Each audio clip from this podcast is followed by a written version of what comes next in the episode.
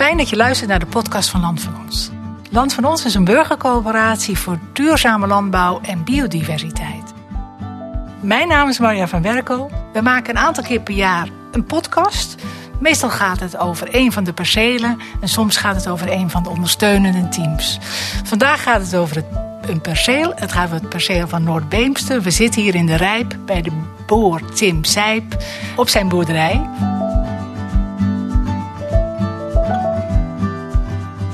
Fijn dat we hier uh, mogen zijn voor deze podcast, uh, Tim. En ook aan tafel zitten twee leden van het perceelteam Noordbeemster, Anneke Wiedema en Roland Vollaert. En om met jullie te beginnen, uh, wat is een beetje jullie achtergrond en hoe zijn jullie bij dit perceelteam Noordbeemster terechtgekomen? Misschien beginnen bij Anneke. Anneke Wienema, ik ben uh, 58. Uh, ik ben in de gelukkige omstandigheid dat ik ben gestopt met werken. Mijn origine is dat ik fysiotherapeut ben, maar ik heb eigenlijk altijd als projectleider gewerkt in, bij maatschappelijke uh, projecten.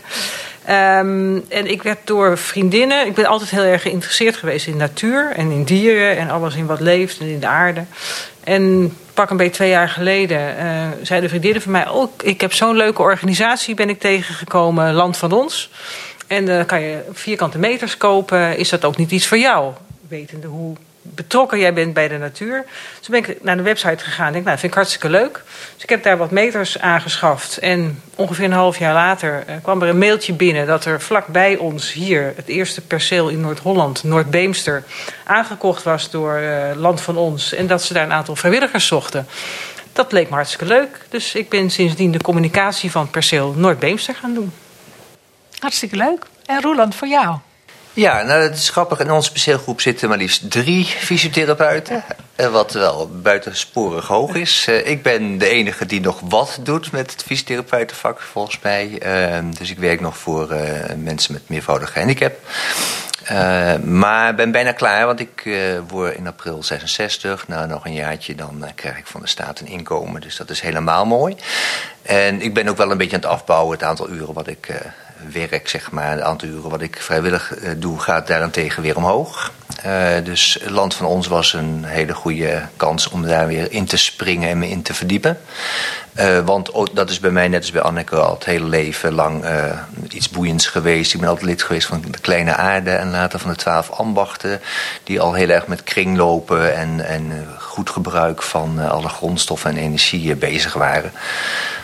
Ja, ik voel me hier bij Land van Onze, zeker ook bij dat biologisch dynamische bedrijf van Tim, ja, ook erg thuis daardoor. Oké. Okay. Kunnen jullie wat zeggen over de rest van het perceelteam? Hoe groot is het? Hebben jullie een taakverdeling met elkaar? Ja, nou, we bestaan sinds mei 2021. Dus dat is nu bijna twee jaar, of ruim anderhalf. Het is maar hoe je het bekijkt. En we zijn begonnen met een team van zes. Eén uh, perceelcoördinator, Jan Schermer, die kon er vandaag helaas niet bij zijn. En we hebben dus inderdaad de taken verdeeld. Dat was ook de, de vraag van Land van Ons uh, in die mail die ik dus ooit kreeg. We zoeken iemand die de communicatie doet. Uh, we zoeken iemand die foto's en film wil maken. Dat doet Ellen van Schravendijk. Uh, en we zoeken mensen die gewoon de handen uit de mouwen willen steken en na willen denken. Want we zijn vooral ook nu nog heel theoretisch bezig en nog wat minder uh, actief zelf op het bedrijf. Uh, en sinds deze zomer open perceeldagen die we organiseren, schrijven we mensen hier in Noord-Holland aan om bij ons perceel te komen kijken. En daardoor hebben we toch nu, nu weer vier vrijwilligers erbij. Dus we zijn nu met z'n tienen. En het is een, een heel team met hele wisselende capaciteiten en interesses. Tineke is bijvoorbeeld bioloog. Nou, dat kunnen we heel goed gebruiken. Die helpt heel erg bij de monitoring. zo heeft iedereen zijn eigen ja, inbreng en kennis. En met elkaar kunnen we heel wat, denk ik. Ja, eigenlijk zeg je, we zijn nog ook heel erg in ontwikkeling. Hè? Van de, ja. Wat is de vraag en waar kunnen we aan voldoen? Maar je hebt een groep van tien mensen die zegt, wij gaan er actief voor staan. Ja. ja. Mooi. Met elkaar. Het is ook een beetje pionieren. Van hoe doe je dat dan met elkaar? Het is voor ons allemaal nieuw om in zo'n perceelteam te functioneren. Maar tot nu toe gaat het heel erg goed en heel organisch. Uh, keek ik hoopvol naar Roland. Daar ben ik het helemaal met je eens. Ja. Wij zijn een toonbeeld van een lerende organisatie. We moeten heel veel nog leren. Ja. Dus, uh, en dat is ook leuk, juist. Ja. Dan gaan we even naar Tim. Tim, jij hebt een bedrijf waar verschillende dingen gebeuren. Nogal divers. Hè? Het is een melkveebedrijf. Maar wat gebeurt er allemaal? Nou, er gebeurt hier eigenlijk uh, van alles. En, en misschien uh, is het leuk als ik dat jullie even laat zien buiten. Ja, laten we dat even doen met z'n allen.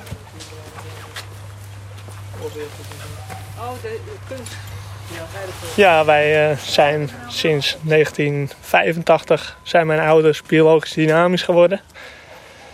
Destijds was je of gangbare boer of biologisch dynamisch. Biologisch bestond nog niet echt. Dus dat kwam later, doordat de vraag kwam naar een uh, iets simpelere vorm van biologisch. Biologisch dynamisch, kun je daar nog wat, uh, wat, wat houdt dat voor jullie in?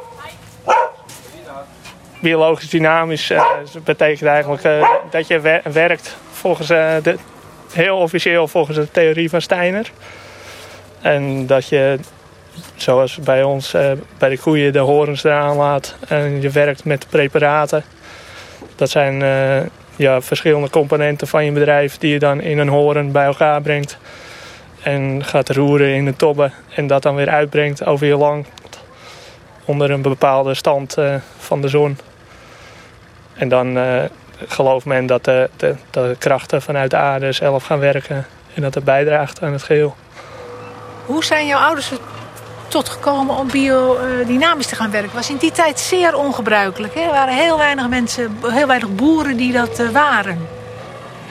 Ja, uh, eigenlijk is dat gekomen omdat mijn vader mijn moeder tegen het lijf liep. En mijn vader was toch eigenlijk al een vrij alternatieve boer.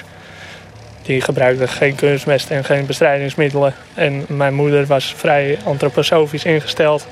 En die had ook de, de biodynamische school gedaan. Dus uh, zodoende zijn ze toen eigenlijk uh, samen gegaan. En het bedrijf samen gaan doen. En ook biodynamisch geworden. En kringloop. Jullie zijn ook bezig met kringloop. Komt vaak aan de orde in onze pod post podcast. Uh, in hoeverre lukt dat? om die kringloop sluitend te krijgen? Ja, in principe bedrijf je al kringloop landbouw als je biologisch dynamisch boert. Maar ja, wat is sluiten van de kringloop? Wat versta, dat... wat versta je onder de kringloop? Sorry. We, we, halen nog niet alles van ons eigen bedrijf. Uh, zijn we voor de gezondheid van de dieren wel... Uh, uh, voeren wel wat krachtvoer. Maar dat is puur voor de gezondheid van de dieren en dat is minimaal. Het, het, krachtvoer wat wij voeren is, is volledig biologisch, is volledig traceerbaar. En uh, het verwerken van de mesten, dat, dat was wat ik net al, ook al aangaf. Uh, het werken met horenpreparaat, kiezelpreparaat. En dat verwerk je dan weer in je mesthoop en dat laat je een tijd rusten. En dan breng je het uit over je land. We lopen even door naar de koeienschuur.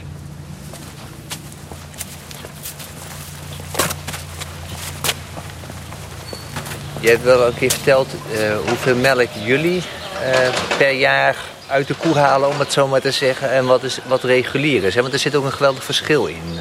Ja, onze koeien geven ongeveer de helft van wat een intensieve koe geeft.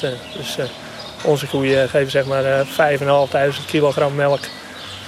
Waar een, waar een, ja, een gangbare koe makkelijk 10.000 haalt. En dat is deels omdat je wat soberder voert. En, en een ander gedeelte gewoon omdat je dat, die koe niet overvoert. Eh, dus dat je niet het maximale van hem vraagt. Eh. En onze koeien die worden wel uh, gemiddeld zeven jaar oud. Dus dat is uh, wel uh, minstens twee keer zo oud als het gemiddelde op een gangbaar bedrijf. Dus eigenlijk worden die andere koeien gewoon leeggetrokken, om het zo maar te zeggen. Ja, letterlijk uitgevoerd. Ja. Ja, nou ja, dat, dat is ook een, een, manier van bedrijfsvoeren. En dat is wat, wat ik zelf ook al zei. Uh, iemand die boert zo op zijn manier en, en wij boeren zo op onze manier. En dat is net hoe het jezelf past. De placenta wordt nog opgegeten? Ja, is net geboren. Oh, er is net een, een kalfje geboren. De placenta wordt nog opgegeten. Ja, dat kunnen we niet laten zien. Nee. Uh, jullie doen veel verschillende dingen. Hè? Dat is opvallend aan jullie bedrijf. Kun je daar wat over zeggen? Ja, wij doen eigenlijk... Uh, is, uh, de, het houden van het vee is eigenlijk onze hoofdtak. Dat, dat is het bedrijf. Maar omdat het bedrijf zich ook prima leent voor, uh, voor zorg. Dus landbouw en zorg. Dat komt er ook weer goed bij elkaar. En dat is een, een bedrijfstak die eigenlijk vooral mijn ouders uh, bestieren. En welke vorm van zorg hebben we het dan over? Dus gewoon het begeleiden van mensen met een, bijvoorbeeld een alcoholverslaving of drugsverslaving. Die soms nog moeten terugkeren in de maatschappij of soms niet meer kunnen terugkeren in de maatschappij, maar die wel een dagbesteding willen. En dat hebben we dan via een organisatie Landzijde, wat een overkoepelende organisatie is hier in de buurt. Die uh, kunnen mensen zich aanmelden dat ze op een zorgboerderij willen werken. En dan kunnen mensen hier komen meelopen of de hele dag op een stoel zitten. Of net wat zij zelf ook ambiëren. Maar het doel is wel dat mensen een beetje meedraaien. Dus uh, koeien aaien of uh, helpen mest schuiven. Gewoon actieve dagbesteding, zeg maar. Ja. En fluisterboten? Hebben jullie? Ja? Wij verhuren ook nog wat bootjes en kano's. En dat is omdat dit is uh, natuurgebied Eilandspolder, Natura 2000 gebied. Uh, prachtig gebied in het voorjaar en zomer vooral. Met alle weidevogels en, en de rust. En dan kan iedereen daar met de fluisterboot of, uh, of per kano, als je nog wat actiever bezig wilt zijn, volop van genieten. Ja. Zijn we nog wat vergeten? Is er nog iets, een tak van je bedrijf? Mijn moeder die, houdt erg van paarden. En wij hebben nog een, een, eh, kleinschalige paardenpension voor voornamelijk IJslandse ponies. Dat zijn robuuste ponies. En daar fokken we zelf nog wat mee. En daar hebben we een eh, tiental paarden van in pension staan. Is het een bewuste keuze? Er ging even een tractor voorbij, dus uh, we moesten even wachten. Bewuste keuze om zo'n diversiteit buiten je melkveebedrijf aan te houden? Of uh, zeg je nou, we moeten wel verschillende dingen doen om het een beetje rond te draaien als boer? Het is ook wel uh, mooi dat je veel mensen kan betrekken zo uh, op je bedrijf. En laten zien hoe je je bedrijf runt. En verschillende mensen, zoals mensen met een beperking, kan laten meegenieten van hoe het ruilt en zeilt op een boerderij. Maar een andere zijde is dat het ook financieel gewoon wat oplevert. Omdat wij toch hier met twee gezinnen van eten heb je toch ook een boekhouding die sluiten moet worden ieder jaar. Tim, jij vertelt net iets over die horens, hè? wat je daaraan kunt zien. Ja, iedere keer als het koe een kalf krijgt, dan komt er een kringetje bij op de horen, een rondje. Dus uh, aan deze koe, dus heeft al zes rondjes. Dus dat betekent dat ze al, al zes keer een uh, mooi kalfje ter wereld heeft gezet. En ook deze keer heeft ze het weer helemaal zelf gedaan, zonder hulp van ons. En ze blijven lekker bij elkaar in het strohok met, uh, met hun collega koeien. Ja, en dat met hun grotere kalveren. Dat doet de natuur, hè? Dat is niet de, dat is niet de boer die daar een kringetje bij zet. Hé, hey, die heeft zoveel kalfjes gekregen. Dat het kringetje dat gaat vanzelf, uh, dat groeit er zo weer in. En dat, die horens zijn dan ook heel, heel belangrijk voor die koeien. Men zegt ook dat die koeien met die horens in verbinding staan met de kosmos. En dat ze zo alle energie aanvoelen. En de, die, die horens zijn ook compleet doorbloed. Dus er stroomt ook heel veel energie doorheen. En bijvoorbeeld als ze kalveren moet, dan, uh, dat, dat, betekent dat ze een kalf krijgt. Dan, dan, trekt ze ook allerlei mineralen uit die horens weer vandaan. Die ze dan nodig heeft. Die ze dan uh, in een later stadium, uh, wanneer ze weer drachtig wordt, weer aanvult. Wat bij jullie ook wel bijzonder is, is dat kalven lang bij de moeder blijven. Hè? Tot hoe lang, hoeveel maanden is dat? Ja, in principe houden wij de kalfjes bij de koeien. Uh, we mogen tegenwoordig onze kalfjes niet meer zo lang houden als dat we zelf ambiëren van de overheid. Vanwege de boekhoudkundige mestwetgeving. Dus de, de kalfjes die die drie weken oud zijn en die wij niet hier op het bedrijf willen houden, gaan naar een volgend bedrijf toe. En de kalveren die we wel zelf aanhouden, die blijven drie maanden bij hun moeder. En die andere drie weken. Lang leven de bureaucratie.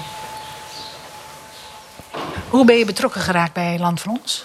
Wij uh, werden ook in 2000, eind 2020 telefonisch benaderd door, door iemand, dat was Bas van Goor. Uh, die had een organisatie, Land van Ons. Die uh, zette dat een beetje uiteen wat Land van Ons is en wat zij eh, zien in de landbouw en wat er gebeurt in de landbouw. En dat ze, dat, dat eh, hen erg aangaat. En met die wetenschap of wij hier in de buurt land te koop wisten. En als wij dat wisten, of wij hun dan wouden tippen. Omdat zij op zoek waren naar percelen in Noord-Holland. En hadden jullie wat op het oog? Wij hadden hier uh, één perceeltje aan de overkant. Maar dat was een vrij klein perceel en daar staat een hoogspanningsmast op. Uh, ja. Wat uh, voor de biodiversiteit enzovoort niet, niet echt aantrekkelijk is. En het perceeltje was ook te klein, dus zodoende had land van ons daar geen interesse in. Maar een tijdje later hadden zij zelf een groter perceel gevonden, ook hier in de buurt. Dat perceel in Noord-Beemster. Ja. En toen hebben zij weer contact met ons gelegd. Om te vragen of dat wij interesse hadden om daarin met hen samen te werken. En is dat ver hier vandaan, dat uh, perceel wat het geworden is? Um, het perceel ligt hier denk ik 7 kilometer van de boerderij vandaan. Oké, okay, en dat is voor jullie niet onhandig, want jullie zijn pachter geworden van dat perceel? Daar, op zich is het niet onhandig voor ons om land iets verder van de boerderij af te hebben. En wat doe jij in grote lijn, of wat doen jullie in grote lijn op dat perceel, wat, uh, wat je pacht van land van ons? Wij zijn eigenlijk gewoon maar, maar biologisch dynamisch uh, koeienboer. Dus eigenlijk verbouwen wij alleen maar gras. Maar wat wij vooral doen is natuurbeheer, ook hier op ons bedrijf. En dat is eigenlijk wat wij daar ook doen. En verder uh, is het ook aan, land van onszelf om nieuwe ideeën of wensen aan te dragen. Om dat dan samen weer door te kunnen ontwikkelen. Ja, in een van de stukken staat ook dat het uh, perceel zich twee jaar moet herstellen hè, van het intensieve gegraas wat er heeft, voor, voorheen heeft plaatsgevonden. Zodat het ook SCAL gecertificeerd kan raken. Is dat al zover of ben ik er te vroeg mee? In principe heeft het land van ons de grond aangekocht in 2021 en ons benaderd als pachter.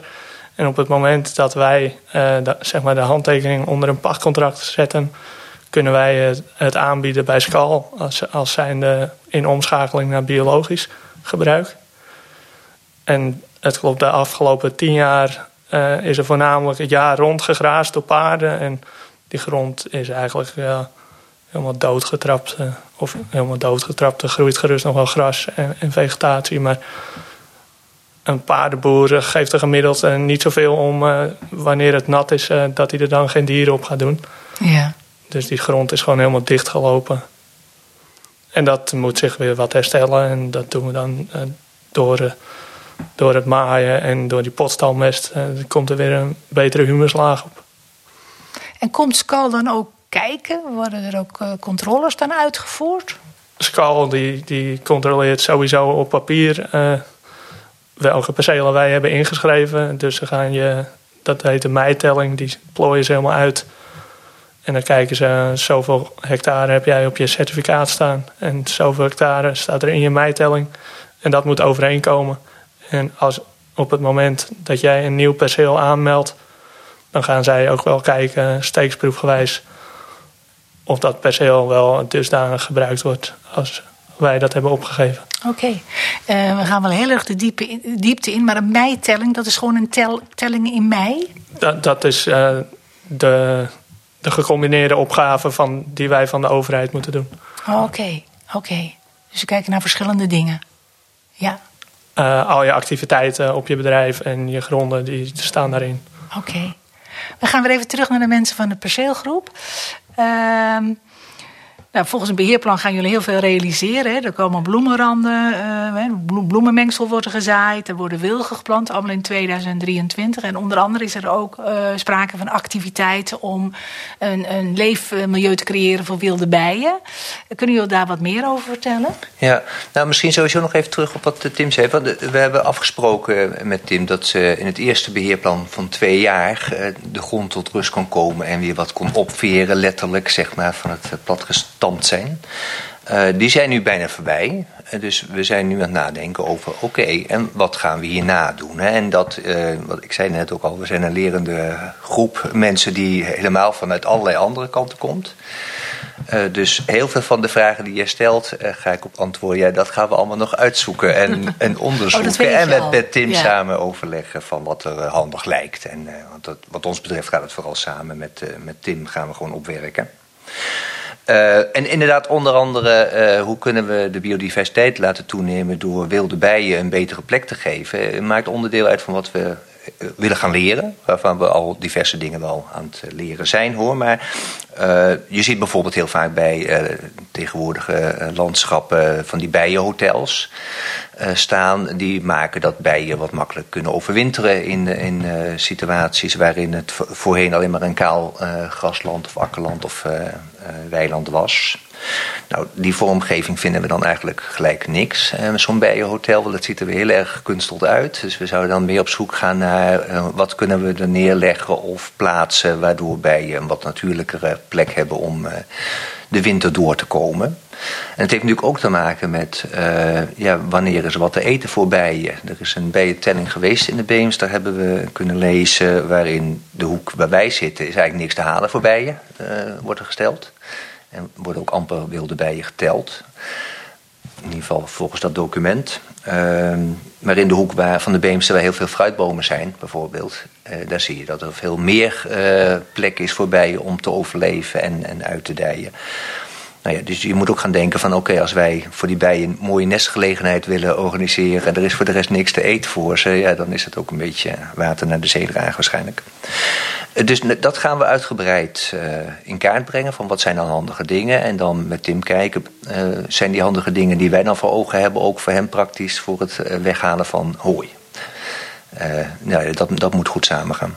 Ja, dus eigenlijk zeg je, je kan wel ehm, plaatsen voor ze maken waar ze eventueel zouden kunnen wonen. Maar je moet ook zorgen dat ze iets te eten hebben. Dus dat is eigenlijk het, het, het, twee dingen in één verhaal. Ja, ja, dat heb ik zelf ook altijd heel graag. ja. Ja, ik vroeg me even af, ook naar aanleiding wat Tim zei: van, is, die, is die grond al wat aan het herstellen? Is, is, zie je dat het anders uh, wordt? Is het, nog, het is niet meer die vertrapte paardengrond van die daar tien jaar hebben rondgerend. Ja, ja, dan kijk ik naar jou, Tim, want ik denk dat jij er het meeste zicht op hebt. Ziet het er anders uit? Ja, de, de vegetatie verandert wel weer wat. Uh, en de grond uh, wordt weer wat, wat ruller bovenop.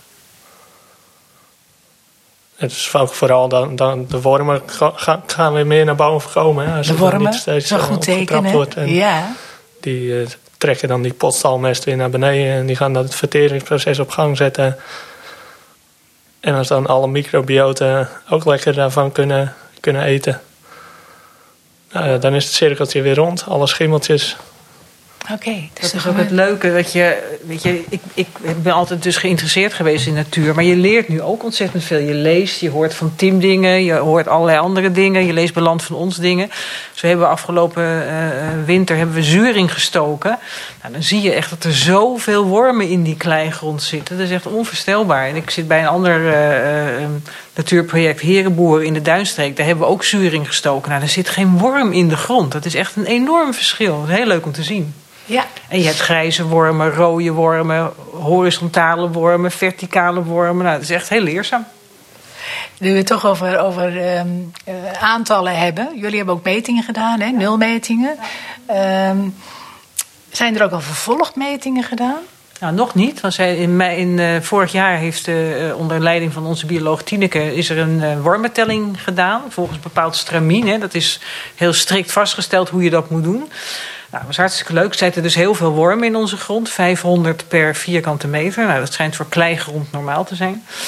Uh, maar we hebben, gaan, dit jaar gaan we meer metingen doen. Uh, ook gebaseerd op de, de, de, zeg maar, van Land voor ons... hoe je metingen moet doen op bepaalde dagen. En daar zit, er zit allemaal filosofie achter. Nou, dat gaan we dit jaar ook doen. En dan moet je denken aan het inventariseren van planten. wat we deels al gedaan hebben, maar wat we ook blijven doen... ook omdat de vegetatie verandert.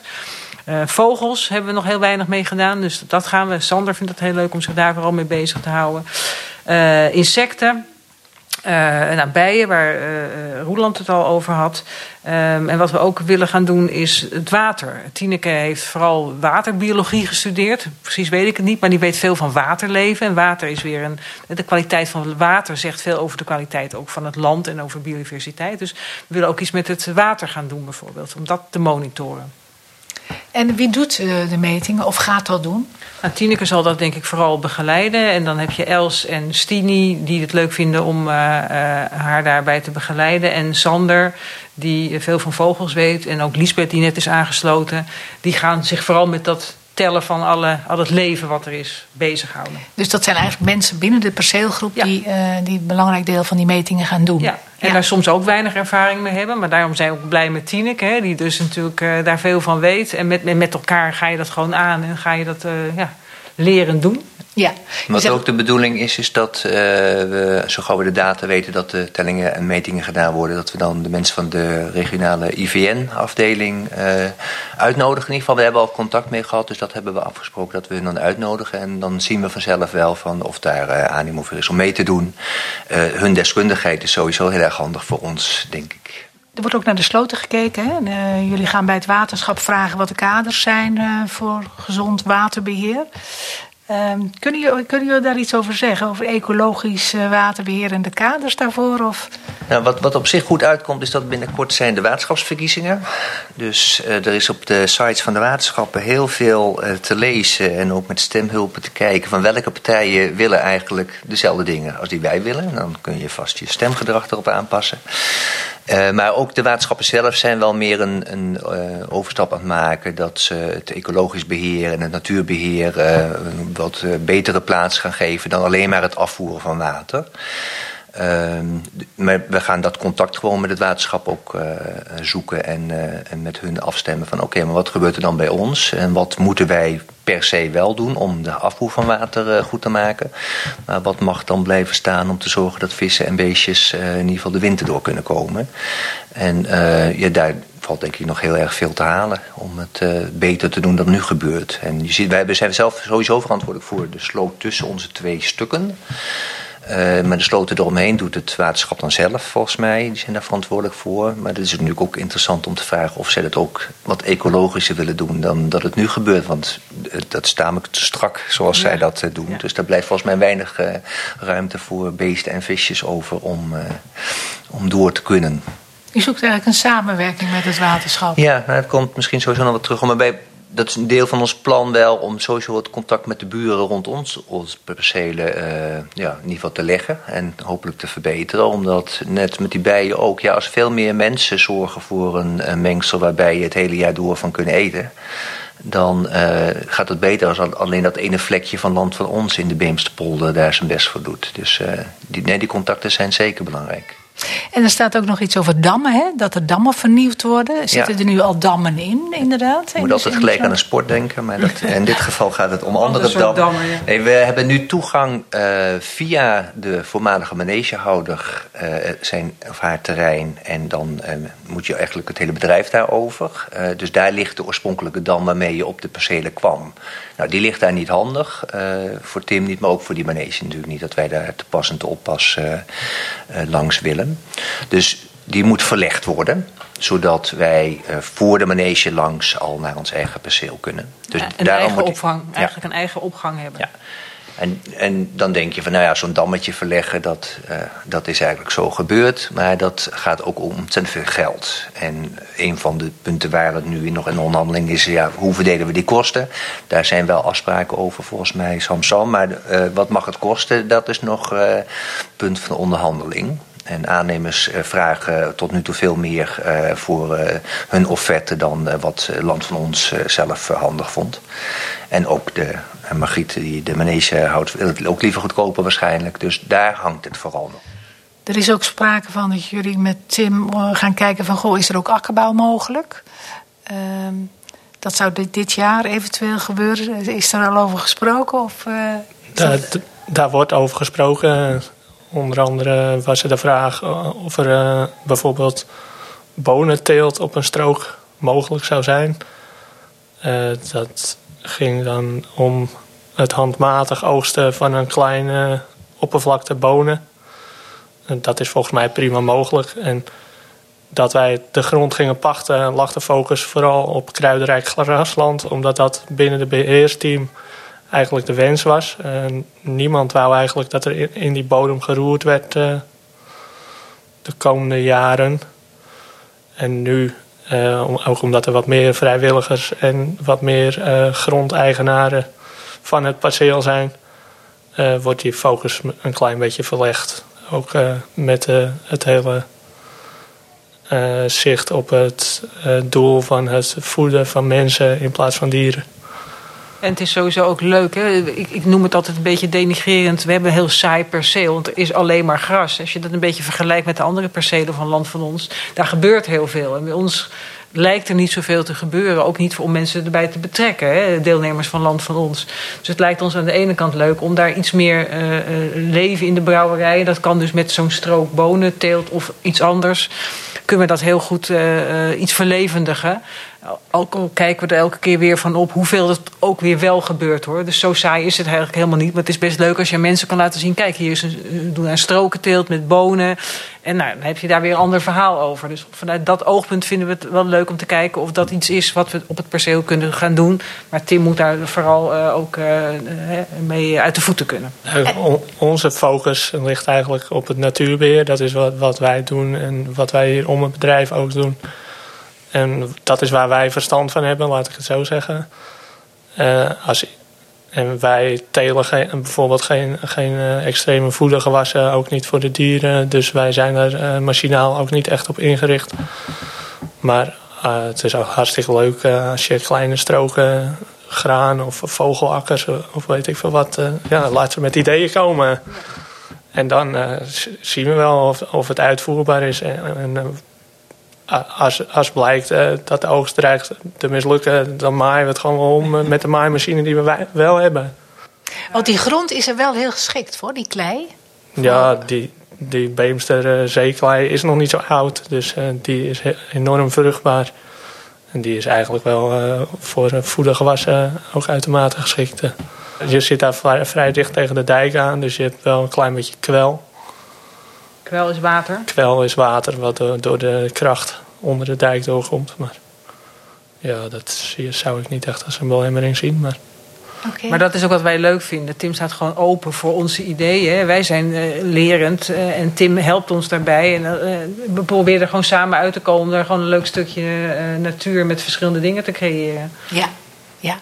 Je, je hebt natuurlijk nu, eh, je, spreekt over de samenwerking met Tim, dat is de, belangrijkste, de grootste.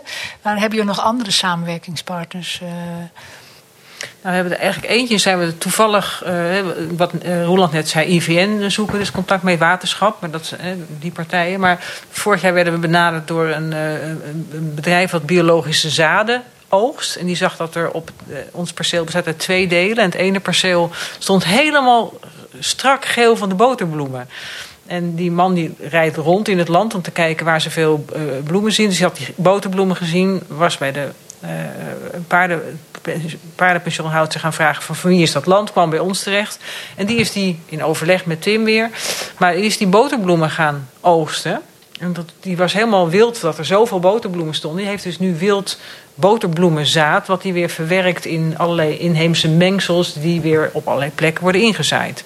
Nou, dat is dan een toevallige samenwerking die, uh, die één keer ontstaat. En dat gaan we zeker niet structureel doen, want dan ga je weer aan een soort monocultuur natuurlijk werken. Dus maar één of twee keer. Waarschijnlijk gebeurt het dit jaar nog een keer. Uh, vonden, wij best leuk. En, en, voor Tim was het ook geen, uh, geen beletsel. Dus dan, dan is het leuk om zoiets uit te, aan te gaan met elkaar. Ja, en ik, ik, sprak van samenwerken, maar je kunt natuurlijk ook denken aan PR. Van, uh, in, in de buurt, bij markten, bij de gemeente. doen jullie dat of zijn jullie dat van plan? Nou, dat doen we zelfs uh, veel, denk ik inderdaad. We stonden onlangs op de biologische markt in, in Alkmaar, een druk bezochte markt in de Grote Kerk. En dat leidt ook weer tot allerlei hele leuke contacten. Bijvoorbeeld met iemand die land zoekt voor het verbouwen van oergranen. Nou ja, dat zou heel goed kunnen passen in een aantal strookjes om dat uit te proberen. Ik begreep later dat hij daar dan uh, bier van wil maken. Nou, dat is ook heel interessant natuurlijk. De wol? We hebben inderdaad uh, op dezelfde markt contact gehad met iemand die uh, van wol, wat op dit moment gewoon weggegooid wordt voor het grootste gedeelte, of vernietigd. die wilde eigenlijk isolatiemateriaal van gaan maken en dan een bedrijf oprichten wat Wolzon heet. Gelijk maar even reclame maken. En, en winter staan er schapen van Tim op ons perceel. Vandaar ja. de connectie met de, ja, de wol. Want, uh, dan krijgen we ook wol van ons. Niet alleen land van ons, maar ook wol nou ja, maar van ons. Het is de wol van Tim zijn schapen, hè? Ja. Uh, dat, dat, wordt nu weggegooid, begrijp ik. Uh, die wol, uh, die, die, wij, wij moeten ieder jaar de schapen scheren. Omdat ze, omdat ze binnenkomen om een lammetje te krijgen in de winter. En dan uh, ontdoen we ze van hun uh, dikke wintervacht, omdat ze het anders binnen te warm hebben. En die wol, die gaat dan wel naar de handel toe, maar ja, dan krijg je 5 centen per kilo. En om, voor, om het scheren van een schaap kost 5 euro. Dus eigenlijk gooi je die wol weg. Ja. Ja. En toen kwam Jan Schermer dan met die nieuwe partner eventueel. Dat daar interesse voor was. En van mij mag je langskomen en uh, mag je die wol meenemen. Prima. Dus er gebeuren allerlei nieuwe dingen, nieuwe contacten. Ja, en die ontstaan eigenlijk bijvoorbeeld door die PR-activiteiten die we dan doen op dat soort biologische markten. Want daar verkopen we ook producten van het land voor ons. Maar het gaat veel meer nog om alle gesprekken die dan uh, daar plaatsvinden. En ja, dan krijg je mogelijkwijs meerwaarde. Ja, want die vrouw wil misschien best wel wat betalen voor die wol. Meer dan die 5 cent per kilo. Dat, uh, volgens mij voor je een kilo wol bij elkaar hebt. Ja. Heb je, hoeveel, hoeveel zit er aan een schaap? Als die, mm, ja, een kilo 4, 5. Oh, Oké, okay. per schaap toch wel 4 kilo. Nou, heb je toch 20 cent. Eh, dat, dat kan vast meer voor uh, geboden worden, zou je zeggen. Ja, en al is het maar die 20 cent. Uh, het is toch leuker dat, dat het dan goed in isolatie verwerkt wordt, uh, dan dat het uh, waarschijnlijk uiteindelijk grotendeels nog weggegooid wordt. Ja. ja. Ja, nee, het vervangt natuurlijk kunstmatige isolatie. Ja. ja. Oh, we hebben Erik nog helemaal niet genoemd. Onze vrijwilliger die heel veel uh, uh, PR doet. En vooral ook leden van, uh, nieuwe leden van Land van Ons zoekt. En die een presentatie heeft gehouden in Middenbeemster. En daardoor bijvoorbeeld weer in contact kwam met het bedrijf Moeders. Dat is een heel leuk café-restaurant in Middenbeemster.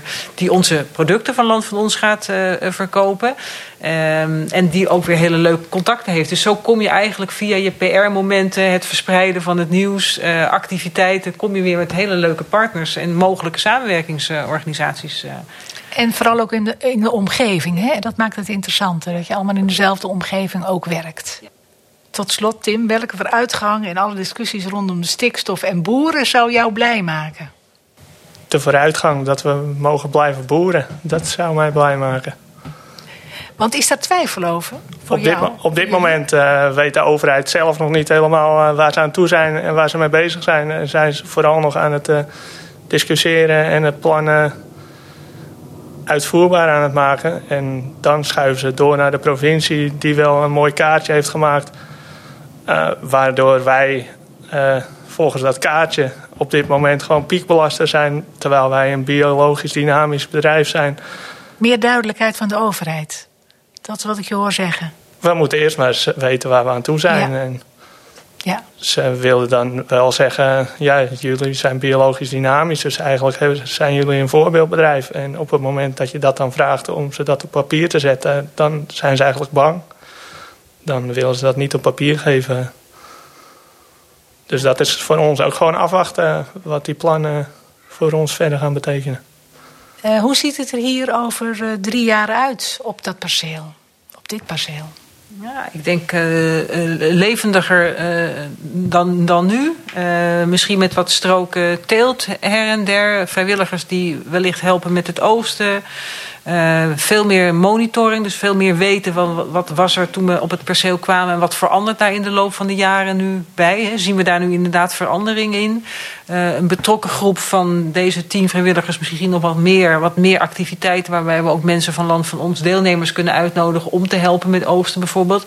Hoe leuk is het als je, zeker in Amsterdam, hè, veel mensen wonen in Amsterdam die naar ons perceel kwamen kijken. Ja, die hebben veel minder te maken met het buiten zijn dan, dan wij hier die al hier wonen. Dus hoe leuk is het als je mensen dan iets kan bieden op je perceel wat ze nog nooit gedaan hebben en wat bijdraagt aan die biodiversiteit. Ja. Roland, nog een aanvulling? Ja, nee, daar sluit ik uh, zeker bij aan. En wat volgens mij vooral ook belangrijk is, en dat sluit dan weer meer aan bij wat, wat Tim uh, uh, zegt, van we moeten gewoon wel de natuur blijven volgen. Dus wij kunnen dingen doen die maken dat het bodemleven zich maximaal of optimaal kan ontwikkelen en in stand houden. En wat er dan gebeurt, gaan we wel zien. Dat, dat regelt de natuur zelf wel. En je, je, je neemt wel initiatieven en je haalt er ook wel producten van af. Dus dat moet wel blijven draaien. Want het team heeft natuurlijk ook gewoon een bedrijf uh, wat moet kunnen draaien. Maar uh, soms willen mensen veel te veel, veel te snel. Uh, we moeten denk ik vooral ook leren dat het zijn gang wel gaat zoals de natuur dat wil. Dank jullie wel, uh, Roland, Anneke en Tim. Tim ook voor de gastvrijheid. Uh, mooi om hier geweest te zijn en inderdaad midden in de natuur uh, deze vragen ook te stellen. Natuur, op de landbouwgrond. Um, jij ook, luisteraar natuurlijk. Bedankt voor het luisteren. Mocht je het nog een keer willen luisteren of aan iemand anders willen doorsturen, dat kan via de site van Land van Ons of via de, jouw favoriete podcast-app. Graag tot een volgende keer.